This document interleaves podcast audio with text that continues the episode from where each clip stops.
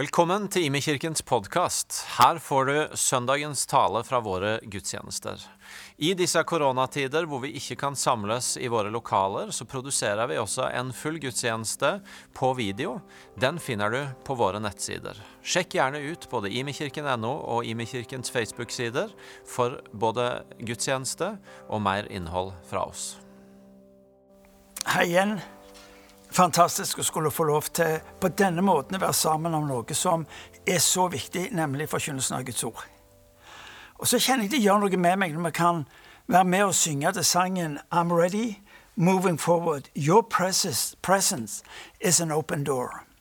Jesus omtaler seg som døra. Det betyr at i enhver situasjon hvor du og meg er i, er døra åpen. Ikke nødvendigvis for at vi skal gå inn og gjennom den situasjonen, men døra åpen og tas inn i det som er av Han. Og det er litt av en forskjell. I det ligger det utrolig mye både hvile, det ligger utrolig mye forventning til at vi skal få lov til å hvile i at Han som har begynt, han skal fullføre, og vi skal få lov til å legge vårt liv i hans hender.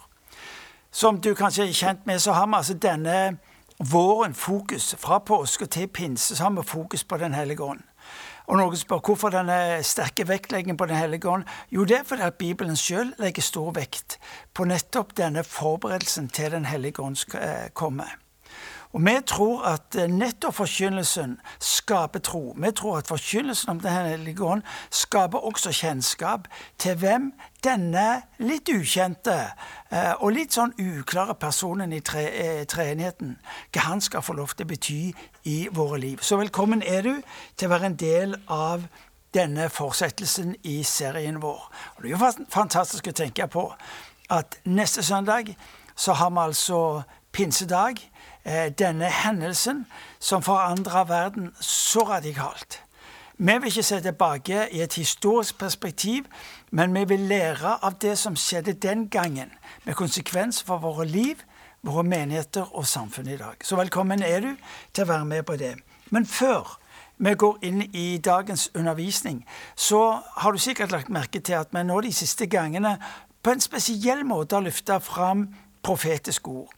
Grunnen til det, det er at vi i denne tida, som bærer med seg så mye usikkerhet, så mye uvanthet, eh, at vi har rett og slett eh, samla de folka som vi har i menigheten, som har erfart at Gud har gitt dem en profetisk utrustning. Vi samler noen av de, kommer sammen, og så er vi stille inn for Gud og spør Gud hva sier du i denne tida. Eh, hva lærer vi av deg i denne tida? Og så blir det altså vår mulighet rett og slett til å koble oss på det Gud gjør. Så når du hører disse ordene, så er det som jeg har sagt mange ganger, dette er eh, ord, eh, erfaring, opplevelse vi har at Gud ønsker å si til oss. Så skal det prøves på Guds ord, og så skal det få lov til å være en del av eh, vår liv og vår vandring.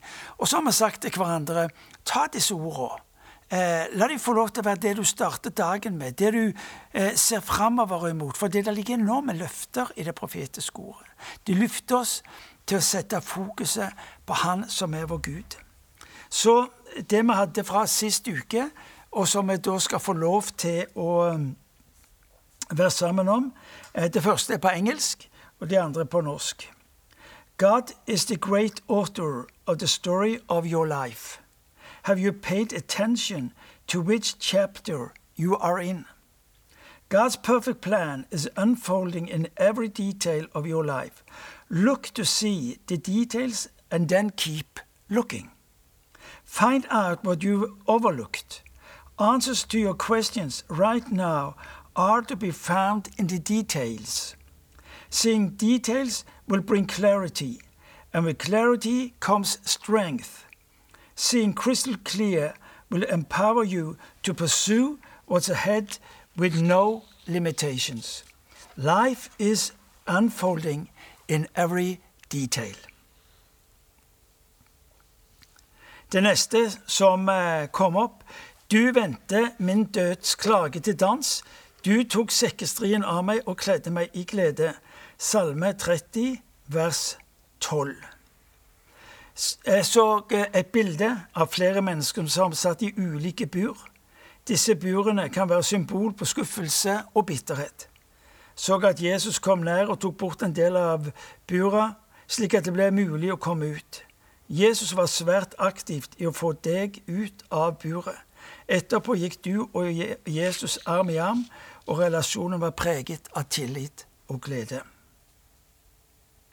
Tredje Moses og hans vandring inn i det lovede land. Himmelen inntar jorden. Og han så Moses' stav, som fikk vannet til å dele seg. Her ble en slags stav brukt, og det var tørre, tørre ørkenområder som ble til kildevann med grønne vekster. Der var også høye fjell som ble til sletteland. Det umulige blei mulig. Løfteslandet, Guds rike, får nedslag mellom oss. Så så jeg òg et eh, bilde av et kummelokk. Under lokket er det kloakk. På lokket står det frihet. Se ikke på det som har vært. Legg fra dere all gammel søppel, det som binder. Et eksempel kan være stolthet. Det er en ny start. Se, jeg gjør noe nytt. Jeg ser også masse sommerfugler i bønnehuset, som betyr nytt liv. Gud er den som gir, og som skaper liv. Og til slutt Waymaker, denne kjente lovsangen. Han er vår waymaker til det lovede land. Det skal få være vårt fokus. Og det du fokuserer på, er det du også vil se og få innta. La oss be. Gode Gud, evige Far, vi takker deg fordi at du steig ned en dag. Du tok vår plass, du bar vår synd, og du åpner døra til din himmel. Nå er vår bønn, gode Gud, at du skal la ditt ord få lov til å fylle sinnet vårt, hjertet vårt, kroppen vår på en slik en måte at vi får hvile i at du har oversikten og du har kontrollen. Herre, vi venner oss til deg i det vi ber om å få lov til å se deg, gå sammen med deg inn i det som ligger foran oss.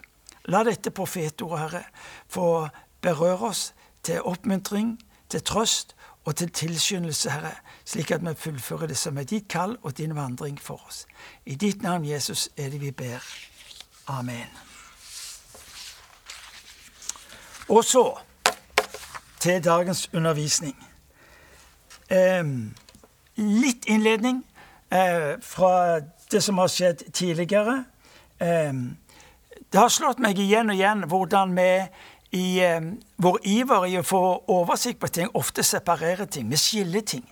Men det slår meg igjen og igjen hvordan Kirkens eh, ulike høytider, eller helligdager om du vil, hvordan de hører sammen hvordan jul og påske og Kristi himmelfartsdag og pinse hører sammen. Hvor de eh, atskilt vil bli dette leddet som mangler til det som var Guds plan skulle bli fullført. Så også med pinsefeiringa som nå ligger foran oss. Pinsefeiringa er jo ikke en isolert bit i kirkens historie. Pinse er jo uløselig knytta til det som skjer påske. Og fra påske så er det som om Jesus samler vennene sine og gir dem ett fokus, nemlig pinse, utytelse av Hans ånd. Og så blir det altså pinsefeiring, men også pinseforberedelse. Bruk denne siste uka nå til å lese deg inn i Guds ord om pinse, profetiene som var gitt, løftene som var knytta til dette. Les deg inn i det. Disiplene gjorde det.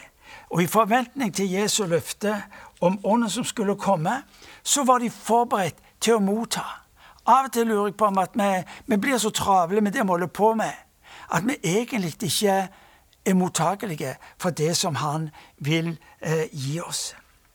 Eh, vi har tidligere sett på Jesu og urkirkens forhold til Den hellige ånd. Vårt forbilde må være Jesus og hans forhold til Den hellige ånd. Det er mye som blir sagt om Den hellige ånd. Det er mange sterke meninger og synspunkter om Den hellige ånd. Mitt råd, mitt råd er la oss lære av Jesus. La oss eh, ha Han som forbilde når det gjelder eh, forholdet til Den hellige ånd. Eh, Jesu forventning, hans liv, eh, la grunnlaget for frelsens konsekvenser, og som ble det livet som disiplene skulle få lov til å leve. Jesus sier, 'Men jeg sier dere sannheten', sier han i Johannes evangeliet kapittel 16. 'Det er til gang for dere at jeg går bort.' For dersom jeg ikke går bort, kommer ikke talsmannen til dere. Men går jeg bort, da skal jeg sende ham til dere. Han skal herliggjøre meg, for han skal ta mitt og forkynne det for dere. Altså, Det er en forventning hos Jesus. Ja, ikke bare en forventning. Han sier hvis, han ikke, hvis ikke Den hellige ånd kommer, så er det noe som stopper opp. Men dette var jo også urkirkens forhold. Da leser vi i Apostelens gjerning kapittel 4, vers 8. De har vært i en utfordrende situasjon. Bevisstheten om Den hellige ånd, åpenheten for Den hellige ånd, innebærer Og så leser vi da ble Peter fulgt av Den hellige ånd. Og så litt lenger ute, i vers 31 av det samme kapitlet, så står det at de var sammen, de ba, og mens de ba, så skalv hele stedet der de var. De ble alle fulgt av Den hellige ånd, og de talte Guds ord med stor frimodighet. Konkret hva betyr så dette i din og min hverdag? Hvordan leve dette disippellivet som Jesus peker på i Matteus evangelium kapittel 28, vers 18. Hvordan? Hvordan kan du og meg ikke bare bli tilskuere til en historisk hendelse, ha teoretisk kunnskap om tredjepersoner i guddommen, men på hvilken måte kan vi bli en eh, medvandrer, bokstavelig talt, med Den hellige ånd? Hvordan kan det se ut? Og så vil du oppdage i denne undervisningen Jo, det er viktig alle de ulike sidene eh, som eh, du har hørt gjennom disse tre ukene. Fokuset vårt i dag skal gå på det som var knytta opp til Jesu løfte om Den hellige ånd. Det var den vandringen, den tjenesten, de skulle ha når han selv forlot de og reiste hjem til himmelen. Eh, dere ser nå det kommer opp på skjermen eh, WWJD. Det høres nesten ut som en eh, vaksine eh, for et eller annet. Men saken er den at WWJD ble en type formulering som på 90-åra eh, eh, skapte en bevegelse. En del unge mennesker bestemte seg for å, å leve ut og i forhold til en formulering som heter What would Jesus do? WWJD. What would Jesus do? What would Jesus do i de ulike livssituasjoner som det var i? Hvordan ville Jesus respondere når de møtte urettferdigheten? Hvordan ville Jesus respondere når de møtte sykdommen, når de møtte nøden? Og så bestemte denne lille gruppa seg for at de ville la dette ordet bli på et vis sånn type programerklæringen for livet deres. What would Jesus do? I de ulike livssituasjonene. Og så ble denne bevegelsen til stor velsignelse for mange, samtidig som den også for noen ble krevende, for det i enkelte miljøer ble ekstremt. Men hovedpoenget er Jesus hadde, Jesus hadde den samme formuleringen. Ikke 'What would Jesus do?', but 'What would the Father do?' Jesus var styrt av å være i, i takt med, være connecta med hva Faderen gjorde inn i hans liv og blant andre sin liv. Jesus sier jo det i Johannes evangeliet kapittel 13. Slik jeg har gjort mot dere, skal også dere gjøre med hverandre. Jesus sier jeg har gitt dere et forbilde. Jeg har gitt dere en modell som jeg lever ut mitt liv skal dere lære av. Men dere skal også lære av måten jeg tar inn den kraft og det liv jeg trenger for å leve ut det livet. Hør nå. Evangeliet er ikke 'kom som du er', 'bli som du var', og gjør hva du vil. En gang til. Evangeliet er ikke 'kom som du er', 'bli som du var', og gjør som du vil. Nei. Gud har langt større ambisjoner for ditt liv, at du skal bli værende i det du var. Evangeliet er 'kom som du er', og bli forvandla av Jesu nærvær ved å bli Jesu lik. Bibelen har ett budskap. Det er å se ditt liv forvandla på en sånn måte at det blir likt Jesus sitt liv. En god venn av meg sa det slik at ditt ansikt, det er Jesus' ansikt i denne verden. Ditt liv er det livet som Jesus skal få lov til å være i denne verden. Vi er kalt til å gjøre hans gjerninger. Som han er i denne verden, er vi i denne verden. Og så står det og vi skal bli ham lik, står det Johannes, eh, etter brevet til Johannes, eh, apostelen Johannes. Dette er et løfte fra Gud. Bli han lik, ikke ved stress, ikke ved religiøse øvelser, men rett og slett ved at Guds ånd tar bolig i ditt liv, og ved det nyskapet eh, Guds rike i ditt liv. Hva betyr dette? Hvordan lever dette ut? En gang til. Hvorfor Den hellige ånd? Til deg og meg som er Jesus-bekjennere, Jesus-etterfølgere. Hvorfor Den hellige ånd? For å leve det disippellivet som Gud har kalt oss til å leve, og som er hans plan for ditt og mitt liv. Hvordan leve i dette? Og spørsmålene Hør nå. Det er jo spørsmålene som tar deg inn i dette. Tar deg til steder du aldri hadde drømt om. Altfor ofte så er vårt problem at vi opererer med svarene. Svarene ikke på de grunnleggende sannheter. Treenighet, Jesus, frelser, forsoner Ikke de spørsmål, men eh, sannheter på livet. Sannheter på livet. Så møter vi i denne her proklamasjonen fra Jesus Dra til Jerusalem. Dere skal motta Ja, hva er det de skal motta? De skal motta ressurser fra himmelen, gitt ved Den hellige ånd, så de kan bety den forskjellen i verden. Veldig ofte så blir vårt forhold til Den hellige ånd diktert av våre egne verdier, av vår tradisjon, av kirkesamfunnet jeg kom ifra. Hør nå. Nei, du inviteres i møte med Den hellige ånd og går nesten på seg for Guds skyld. Ikke operere med svaret, men operere med spørsmålet. Hva, hva gjør du, Hellige ånd? Hva, Jesus, hva, hva, gjorde du? Og så blir du tatt inn i en relasjon. Du blir tatt inn i en vandring, en medvandring, med Han som forvandler liv. Ikke svaret, men denne, denne åpenhet gjennom ordet, ved å lese Guds ord, bønnene, lovsangen, fellesskapet, eh, lydigheten. Jesus sier i Johannes evangeliet kapittel 7 vers 37 Hør, er du tyst, så kom til meg og drikk.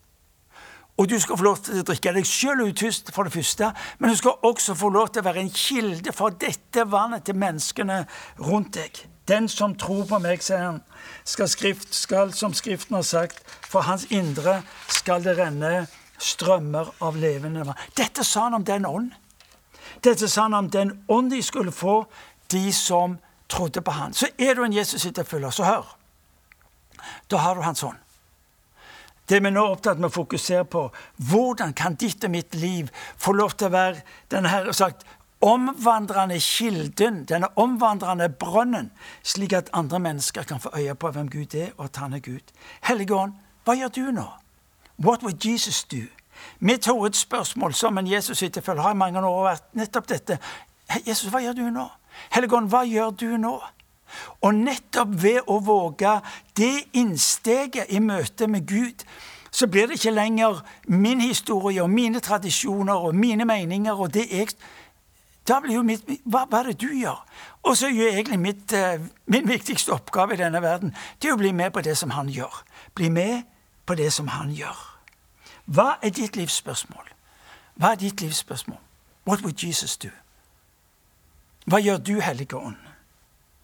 Disippelskap er i sin essens å bli lik Jesus og gjøre hans gjerninger. Punktum. Dere har hørt meg si det før. Så enkelt er det.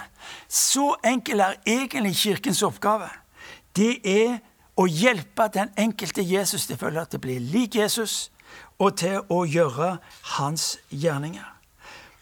Punktum en gang til. Det er Kirkens oppgave. Det gjelder blant barna, ungdommer, voksne, gamle, uansett hvilken type virksomhet.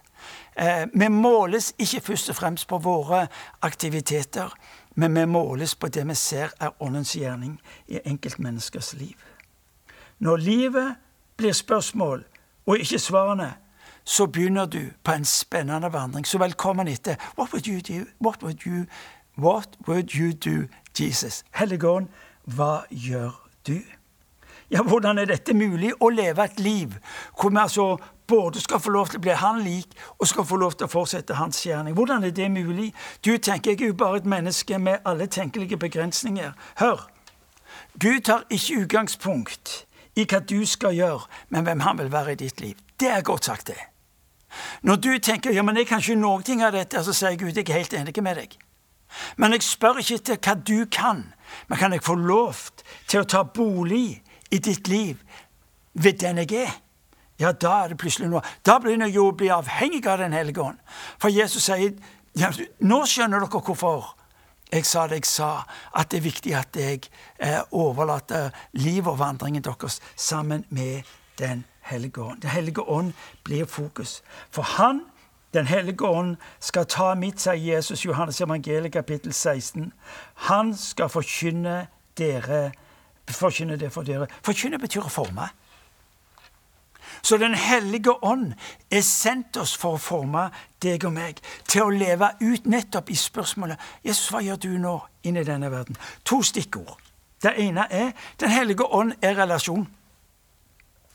Guds primære mål er relasjon. Vi tenker en hel masse religiøse aktiviteter, men det er ikke det. Det viktigste som ligger på Guds hjerte, er jo relasjon. Det står i, eh, i Romerbrevet Nei, sier han. Dere har fått Ånden som gir rett til å være Guds barn. At Guds mål er deg og meg som hans barn. Den som gjør at vi roper 'Abba, far'. Ånden selv vitner, sammen med vår ånd, om at vi er Guds barn. Relasjon. Men er vi barn, er vi også arvinger. Vi er Guds arvinger og Kristi medarvinger, så sant vi lider med ham så vi også skal få del i, den, del i herligheten sammen med ham. Første brev, eh, Korinterne 1,9, så står det at vi er kalt til samfunn med Sønnen. Du og meg er ikke primært frelst for produksjon, vi er frelst for relasjon. Og Det er så, det er så mye liv og hvile i nettopp det der. Å få lov til å vite Hør nå.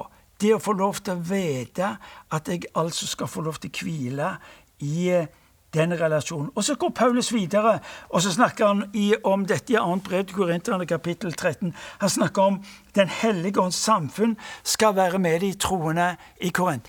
I min kirke er Den hellige ånds samfunn. I kirka der du er, i, den, i eh, det bedehuset du er i, så er det ikke primært mennesker som kommer sammen, men det er et samfunn, det er et fellesskap, det er et miljø hvor nettopp Den hellige ånd er i sentrum, og som hjelper oss til å få øye på Kristus. Jeg husker en gang biskop eh, Håkon Andersen ba bønnen Hellige ånd, vis oss Jesus, så vi kan se Gud. Der har du altså linja. Mange har et teoretisk bilde, uklart bilde av Den hellige ånd. Har du det, ja, da blir også fokuset på Han uklart. Og du mister. Du mister det som var hele intensjonen med at Jesus dør på korset, med at pinse blir vår uh, mulighet. Så mister vi det. Du og meg må ha det samme bildet av Den hellige ånd, den samme relasjonen med Den hellige ånd som Jesus hadde. Hvis ikke så forblir Den hellige ånd utydelige, og han blir uforståelige. Det er mange som eh, eh, har teoretisk kunnskap om Den hellige ånd. Hellige ånd ønsker ikke å være teori i ditt og mitt liv. Hellige ånd ønsker å, å være den han er og har alltid vært, nemlig livet, kraften og nettopp mulighetene for å være eh, et svar på denne verdens problemer. Eh, en sa det slik Remember who you are. Bli hvem du er i Kristus. Dersom du og meg glemmer hvem vi er, så vil livet som en kristen alltid bli en kamp for noe du skal bli. Hvis ikke du og meg forstår hvem vi er, så vil livet vårt alltid bli dette og ikke være fornøyd fordi en opplevde at ting skulle vært annerledes. Um, remember who you are. Frukten i ditt liv er relasjonen du har med Gud. Du kan ikke produsere noe, du. Du kan vanne. Du kan plante. Men Gud sier det er han som gir vekst. Eh, vi leser i, i, i Galaterbrevet 5 at åndens frukt er Ja, men det er knytta til han og hans gjerning i ditt og mitt liv. Eh, Jesus sier en gang i fortvilelse hvor ofte vil jeg ikke samle dere når han så folket eh, og innbyggerne i Jerusalem. Hvor ofte vil jeg ikke samle dere? Guds, Guds innsteg mot deg er ikke først og fremst alt han kan få ut av deg, men hva han kan få inn i deg. Guds fokus på ditt i mitt liv er ikke primært å gi deg arbeidsliste på hva du skal gjøre, men at du skal stoppe opp lenge nok til at han kan få lov til å fullføre ditt liv det som han har for ditt liv. Eh, I en, I en, engelsk oversettelse i Romer kapittel 12, vers 1, så leser vi «Embrace what God is giving you. That is the best thing you can do for him». Ja, hva vil det si å være en Jesus-etterfølger? Hva vil det si å være en disippel av Jesus? Det omfavner det han gir deg. Og så rekker han deg og meg, altså Den hellige ånd. Um, igjen i, i, den engelske oversettelsen, eh, The Message, så leser vi Lukas evangeliet kapittel 12. Ikke vær så opptatt med alt det du trenger til, som å motta det jeg vil gi deg. Disiplene skjønte dette. Så i møte med den vanvittige utfordringen Jesus ga dem på å vinne denne verden med for evangeliet, så, så, så, så tror de han. Og de handler når han sier 'ikke gjør noen ting', dra tilbake til Jerusalem og motta den kraften som jeg vil gi dere. Relasjon. Ikke vær så opptatt med alt det du trenger, som å skulle motta det jeg vil gi deg. Ja, sier du, men det er jo forskjell på Jesus og meg. Ja, du og meg blir vel aldri helt lik Jesus. Men henger du mye med han, så vil du bli mer og mer lik, sier Guds ord, ved Den hellige ånd. Ja, ja, hva betyr det? Nei, vær på de plassene hvor du vet at Den hellige ånd eh, eh, fungerer, opptrer, handler. Vær i menigheten, vær i Guds ord, vær i lovsangen, vær i bønnen. Når du er det, så er det noe som sakte, men sikkert vokser inn i livet ditt, bygger livet ditt. Og du blir et Jesus-forbilde ved Den hellige ånd. Jeg har sagt det før, men jeg husker en gang for mange år siden at jeg møtte en mann nede i Stavanger sentrum og, og delte evangeliet med han, og så kom jeg til å si men, men du må ikke se på meg, du må se på Jesus. Og så sier han til meg ja, ja hvordan ser han ut da? Og hvor ser jeg han henne? Og så tenkte jeg ja, ja, jeg kan, ikke, jeg kan ikke trekke meg fra det faktum at Jesus er, er synlig ved ditt og mitt liv. La oss være, la oss være representanter for han som skaper tro og håp. Men også i menigheten. Dette er en fellesskapserfaring, ikke bare individuelt. Men sammen får vi lov til å, å leve i dette at Den hellige ånd berører oss som fellesskap. Pinse en fellesskapsopplevelse. Du leser om dette i Apostlenes gjerninger, eh, kapittel 2. Men du leser det også, som jeg leste litt tidligere, i Apostlenes gjerninger, kapittel 4. De var samla. Der de var samla, så ble de alle fulgt Den hellige ånd, og så skalv stedet. Derfor vektlegger vi denne forkynnelsen. Fordi vi tror den ligger på Guds hjerte å se denne forkynnelsen berøre mennesker. Du og meg skal få lov til å være innenfor Gud, tilbe Hans navn. For dette starter med tilbedelse. For det du tilber, det vil jo også gi makt og innflytelse i eget liv. Åndens frukt enda en gang er ikke et resultat av hardt arbeid, men mottatt liv gjennom relasjonen med Jesus Kristus. What would you do, Jesus? What would you do, Jesus? Og han sier egentlig én ting. La meg få lov til å elske deg. La meg få lov til å være hos deg, og ved det vil du se hva du skal få lov til å vandre inn i av ferdiglagte gjerninger. Det står det i Efeserbrevet kapittel 2. Se, dere frelst av nåde, og så har dere lagt gjerninger ferdige for Hvilke gjerninger er det? Det er ikke gjerninger som er av deg, men det er Kristus' gjerninger som allerede er ferdig forberedt. Første hva? Den hellige ånd er relasjon. Det andre er Den hellige ånd er aksjon. Den hellige ånd er i bevegelse. Se på, på Jesu liv. Han levde for å berøre. Overalt hvor han var henne, uansett hvem han traff, så levde han for å berøre. Er du en Jesus-etterfølger, så er ditt livskall å berøre.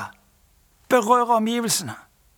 Ikke være predikant av verdensformat, men å være den Gud har, har skapt deg til å være, kalt deg til eh, å være og utrusta deg til å være. Du er kalt til å berøre eh, menneskene som er rundt deg. Ikke vær så opptatt med alt det du trenger til, sa jeg, som å motta det jeg vil gi deg, sier han i, i, i uh, sitt ord. What would Jesus do? Når du står opp om morgenen, what would Jesus do? Du minner deg sjøl på what would Jesus do? Jeg, jeg har vært på, på bilnøkkelen min så har jeg en ring hvor det står What would Jesus do? Det er en påminnelse til alltid å få lov til å stille dette spørsmålet. Hva, hva, hva gjør du, Jesus? Hva gjør du, Hellige Ånd?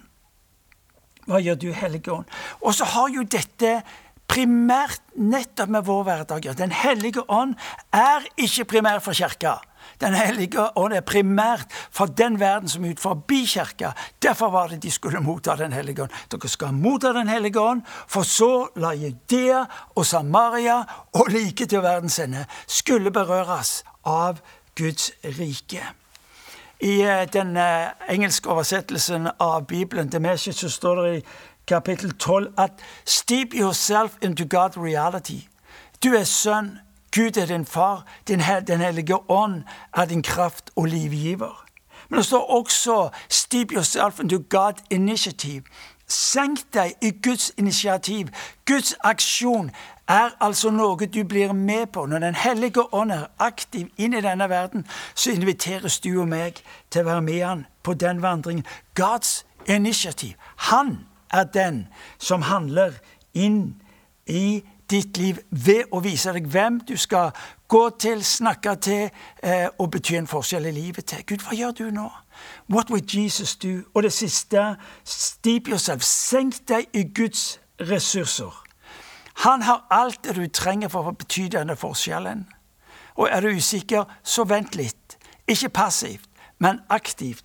Han skal velsigne ditt liv med det du trenger, slik at andre kan få lov til å erfare livet med Gud. Praktisk livsstil. Derfor er det vi går ut med evangeliet. Derfor er det vi ber for de syke. Derfor er det vi profeterer, driver med barmhjertighet og søker å skape en rettferdig eh, verden. Det var det Jesus gjorde. Jeg skal begynne å slutte. Du kan høre, og så kan du tenke at dette var interessant. Men det som blir forandringen i ditt liv, ikke at du hører mine ord og tenker at det er interessant. Det som blir forandringen i ditt liv, det er at du spør hva, hva sier Guds ord om dette? Den hellige ånd. What would Jesus do? Så kokes det egentlig ned til lydighet. Å være lydig mot det ordet som Jesus kommer til oss med. Det står i Matteus evangeliet 22 hvor det står hvem du skal elske. Du skal elske Herren din Gud. Ja, det er det ene. Men på den andre siden skal du elske det neste som deg sjøl. Så kokes ditt og mitt liv ned til dette som preget urkirka i sin tid. De hadde ett fokus.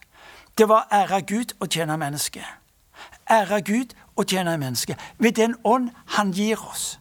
What would you do, Jesus? What would you do, What would you do, Jesus?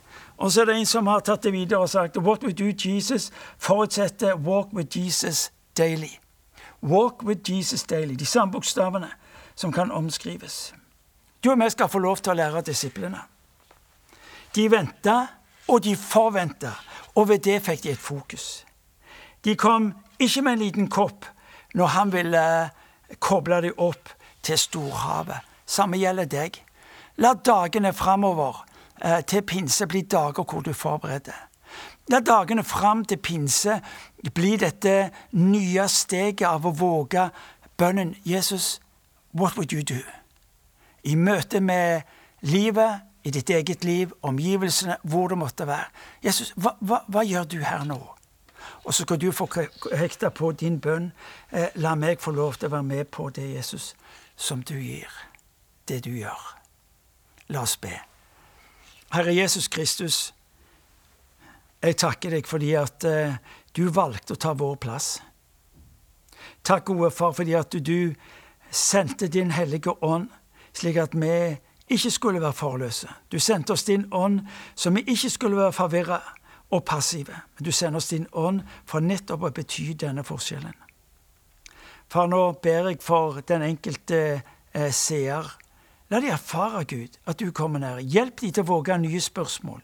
Hjelp de, Herre, til å våge spørsmålet What would you do, Jesus? på livets mange ulike sider på deres vandring. Herre, jeg ber om det. Og kanskje sitter du der hjemme, og så hører du på denne forkynnelsen, og så tenker du nei, ikke vet du om du holder mål, og ikke vet du om du er kristen, og det er mye du lurer på. Så vil jeg du skal vite én ting. Du kan sitte der hjemme og så kan du si, 'Jesus, jeg vil at du skal tilgi meg mine synder.' Jeg vil, jeg, jeg vil få lov til å være en Jesus-etterfølger. Men jeg vet ikke hvordan jeg gjør det, men jeg inviterer deg inn i livet. Det kan du gjøre der du sitter.